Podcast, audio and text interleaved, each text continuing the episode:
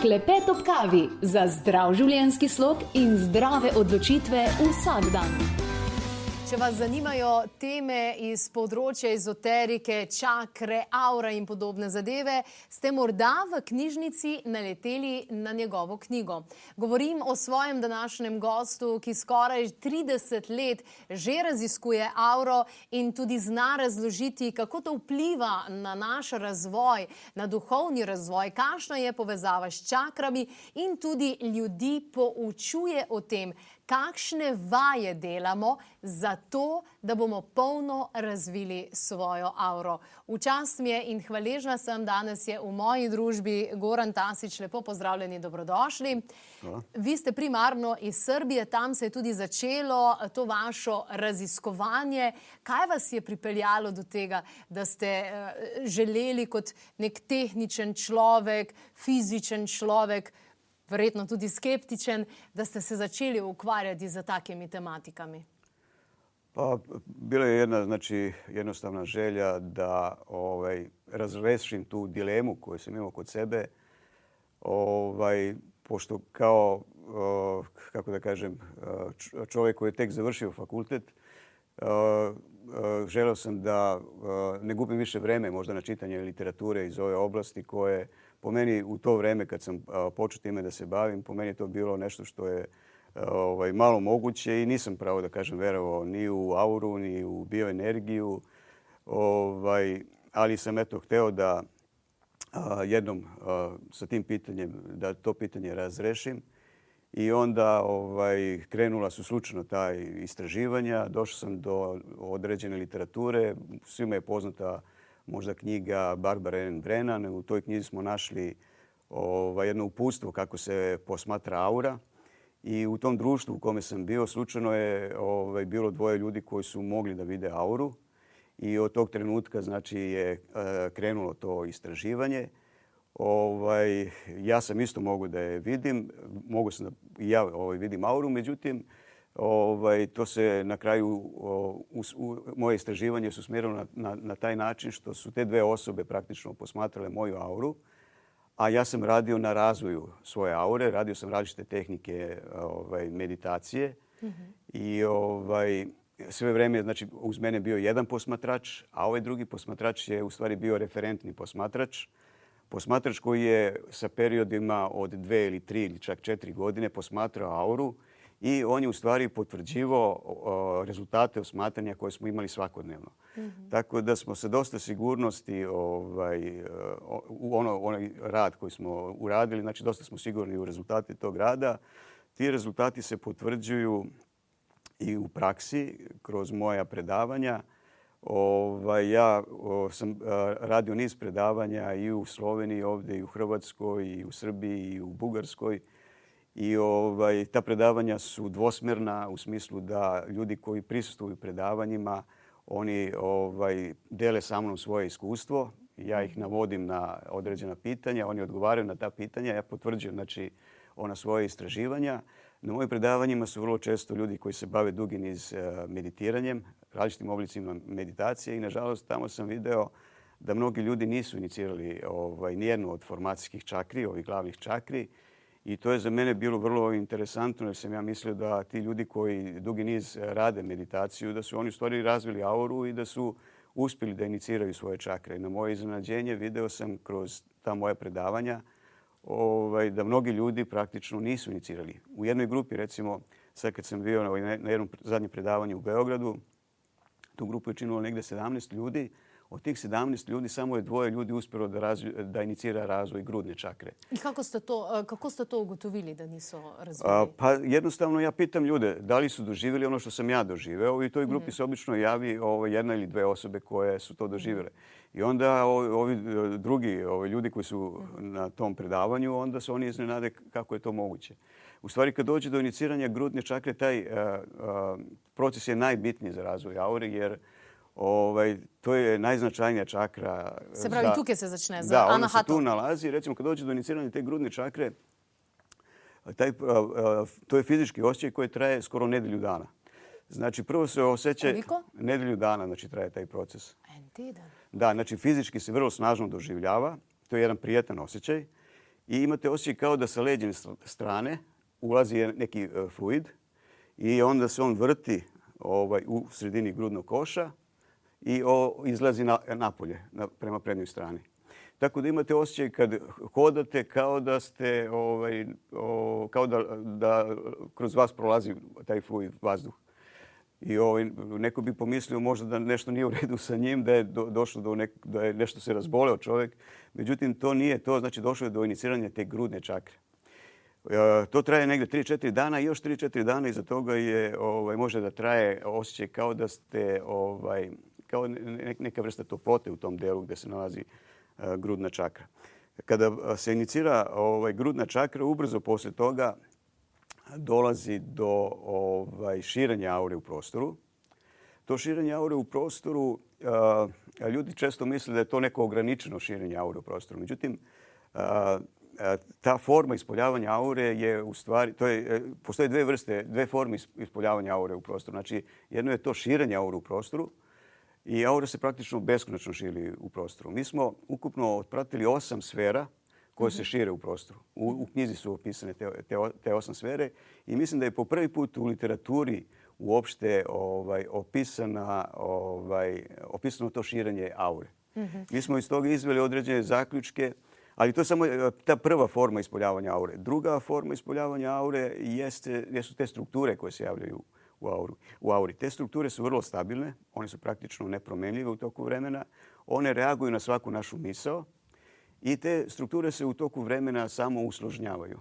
Znači one samo rastu i ovaj, ono što je interesantno, pošto se radi o određenim strukturama u auri, sva je prilika da te strukture nastaju u nekoj vrsti metabolizma koje se mm -hmm. dešavaju u auri. Mm -hmm.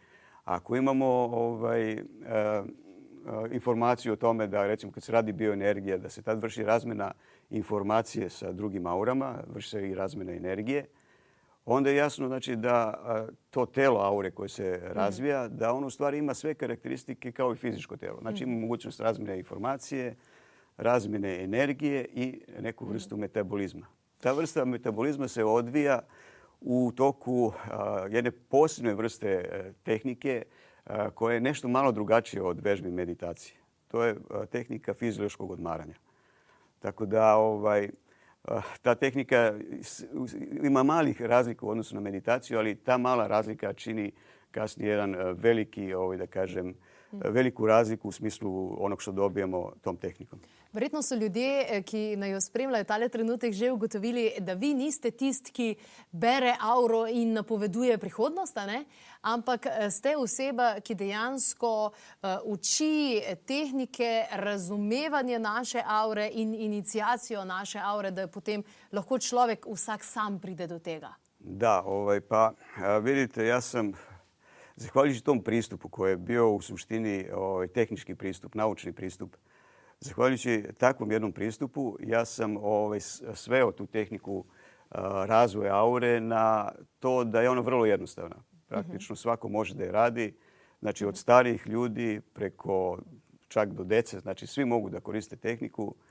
Po meni ovaj, naj, mi smo primetili u stvari da kažem da je moguće da kad se u blizini razvijene aure nađe e, nerazvijena aura, da može dođe do spontane inicijacije te nerazvijene aure. I zato to sam htio da kažem, ovaj, zato su žene najpozvanije da dođu u stvari da nešto čuju više o auri iz tog razloga što žene činom rođenja mogu da imaju ovaj, decu koja već imaju neku o, razvijenu auru.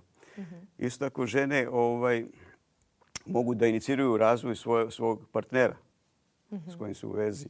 Tako da ove žene praktično mogu da izvoju jednu vrstu lančane reakcije. Ceo domino efekt. Da, ceo domino efekt. Odlično. Ovaj, isto ova tehnika je preporučljiva za starije ljude jer će oni dobiti više energije. Ta energija se dobije kod obične vrste meditacije, uobičajene vrste meditacije jer se tom tehnikom mhm. meditacije u stvari smiruju misli. Znači, smirivanje misli mi dovodimo svoju svest u neku vrstu balansa. To svi rabimo zdaj v teh časih. Da, i ljudi se često samo zadovoljavaju time. Međutim, a, moj cilj je znači razvoj aure, razvoj tela aure, zato što ako imamo ovaj, informaciju o tome da šta se postiže znači, razvojem tela aure. Znači imamo to jedno telo koje smo pomenuli malo čas, ali ovaj, na našem unutrašnjem planu, znači, dešavaju se stvari e, koje su isto tako velikog značaja kao i na tom spoljnom planu, na tom energetskom planu. Mhm. E, šta se u stvari dešava? Znači mi praktikovanjem vežbi fiziološkog odmaranja vremenom e, možemo da počnemo da kontrolišemo svoje misli. Vremenom ćemo naučiti kako da kontrolišemo svoje snove, pa ćemo na taj način imati snove koji su veoma slični filmovima i serijala Matrix. S tim što smo mi u tim snovima glavni glumci i režiseri i scenaristi. Tako da su ti snovi fantastični. Ljudi će jedva želeti da odu da spavaju da bi gledali te fantastične filmove u stvari. Onda ovaj, dalje ovaj, sa tom izvođenjem tih vežbi vremenom ćemo steći mogućnost da kontrolišemo prelazak naše svesti iz fizičkog u astralno telo. Klepet ob kavi. Preden nadaljujemo, moram s tabo pošerati eno novico o čarobnem napoju. Gre za zadevo, ki me je res navdušila v zadnjem času, ker jaz rada kombiniram stvari, rada jih optimiziram in to je totalno zoptimizirana zadeva. Gre namreč za obesek, ki je iz kristala rožavca in je hkrati steklenička iz tega kristala in omogoča, da daš noter eterično olje. In zraven je seveda tudi ta uh, ful lepa verišča, tako malo daljša je, tako da za vse stajale zelo dobro pride zraven. In kar mi je najbolj všeč, to sta dve terapiji hkrati, kristaloterapija in pa aromaterapija. In uh, jaz imam v bistvu kar dve. Eno imam bolj za zvečer ali pa bolj za takrat, ko hočem pomiritev. V njo sem si dala recimo eterično olje sivke, v drugi imam pa vem, eterično olje limone, zaradi tega, ker hočem recimo, da mi dvigne razpoloženje. Nosila sem pa nekaj časa že tudi ilang ilang, ki je tašno zelo veselo eterično olje, ki vpliva na to, da res začutimo in živimo tisto radost. In ta kombinacija je res top, moraš iti pogledati, kako ta stvar zgleda. Vsi so fulno navdušeni na tem, tudi druge bebe, tako da na klepetopkavi.js imaš zapisano čarobni napoj, se imenuje ta zadeva in gre torej za stekleničko iz kristala rožavca v katero daš svoje eterično olje, valjda, da je nekaj kvalitetnega, da je to ekološko eterično olje, ki bo res dobro vplivalo, ker to vpliva na celo telo, vpliva dejansko na razpoloženje, vpliva na hormonski sistem in no, noro. Torej, čarobni napoj pa uživaj še naprej v tem podkastu. Na to kraju... je astralna projekcija. Da, to je astralna projekcija. Se pravi, zavedaš se, da sanjaš in kar naenkrat, uh, bom mal letel, bom šel tja pogledat, da. tja pogledat. Se pravi, čista svoboda. Enico vseh se je v astralni projekciji. Da, ali ovaj. Uh, uh, astralna projekcija je nešto mnogo više od toga, znači ona je sasvim realna. I o, ljudi e, dožive nešto što je slično astralnoj projekciji. Stvarna astralna projekcija je nešto malo drugačije. Ona je za, sasvim realna jedna stvar. Tačno se osjeća putovanje kroz prostor. Mm -hmm. ovaj, vide se tačno slike gdje se projektujete. Ali htio sam da kažem nešto još. Znači, oni koji su još uporniji znači, u tim vežbama fiziološkog odmaranja, u jednom trenutku će moći da izdvoje svoju svest izvan astralnog i izvan fizičkog uh, tela. Tako da će da moći će da posmatraju istovremeno i astralno telo i fizičko telo. Tako da će ovaj, ta, ovaj, taj događaj u njihovom životu preokrenuti potpuno kod njih ovaj, da kažem, način razmišljanja koji su imali do tada. Sigurno da će to da dovede do jednog do jedne duhovne ovaj, ili da kažemo neke spiritualne transformacije, jer će ljudi ovaj, shvatiti da smrt ne postoji.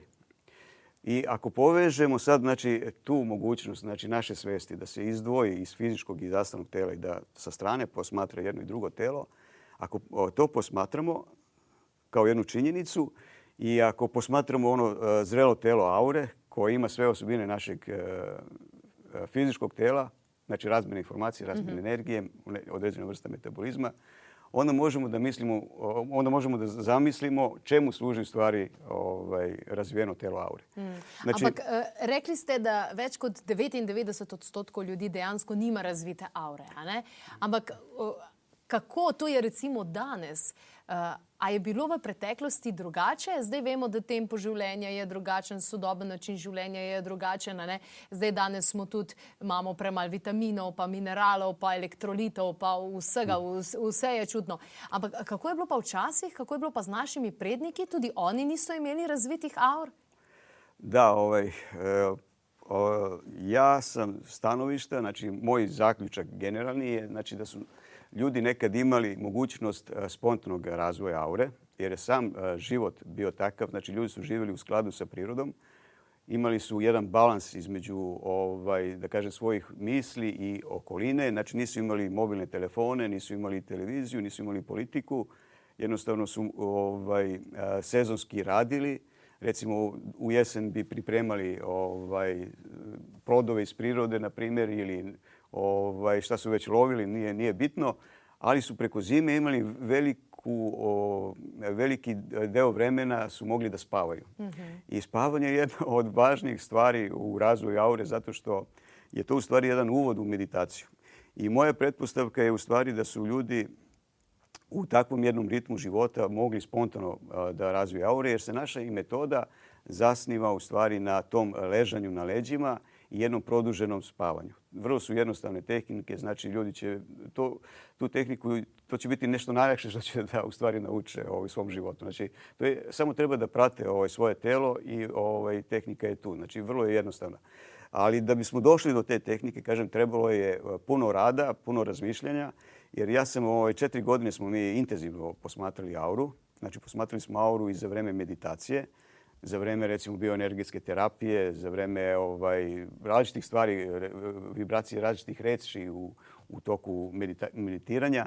I svega toga se ovaj, nagomilo jedno e, veliko znanje, veliko iskustvo i ovaj, na osnovu toga se znači, razvila ta a, -hmm. ideja da je to u stvari a, jedan prirodni, spontani proces.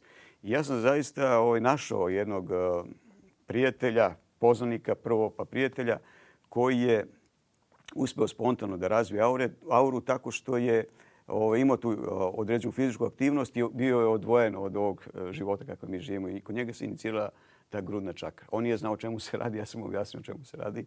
Tako znači da je moguće praktično spontano razviti auru. Moguće je auru razviti na, i na druge načine, ali mislim da je ovo najjednostavniji način i kažem iz mog iskustva sa predavanja, Ovaj, ja sam, kažem, bio iznenađen da toliko mali broj ljudi ima razvijenu auru. Znači, uh, uh, sve ove čakre moraju da se iniciraju. Svaka ima poseban, uh, da kažem, način na koji se ona inicira u smislu osjećaja, mm -hmm. fizičkog osjećaja koji se mm -hmm. osjeti kod tog iniciranja. Mm -hmm. Tako da ćemo to ovaj, videti na, na, na predavanju. Nažalost, u knjizi nije to sve do detalja opisano. Ovaj, pa tudi ovaj, iskustvo je, je drugačno, ne? Uh, i moje iskustvo, znači, ovaj, ja hoću da prenesem to svoje iskustvo ljudima i ovaj, uh, uh, postoji način da ljudi sami prate faze u, svoj, u razvoju svoje aure. Tako da uh, u toku procesa samog razvoja aure vremenom jača polje aure. Tako da se to snažno seća, pogotovo na ovim perifernim čakrama. I ovo, u jednom trenutku dolazi do pada tog polja aure. U stvari tada dolazi do prelaske iz jedne faze u razvoju aure u drugu fazu u razvoju aure.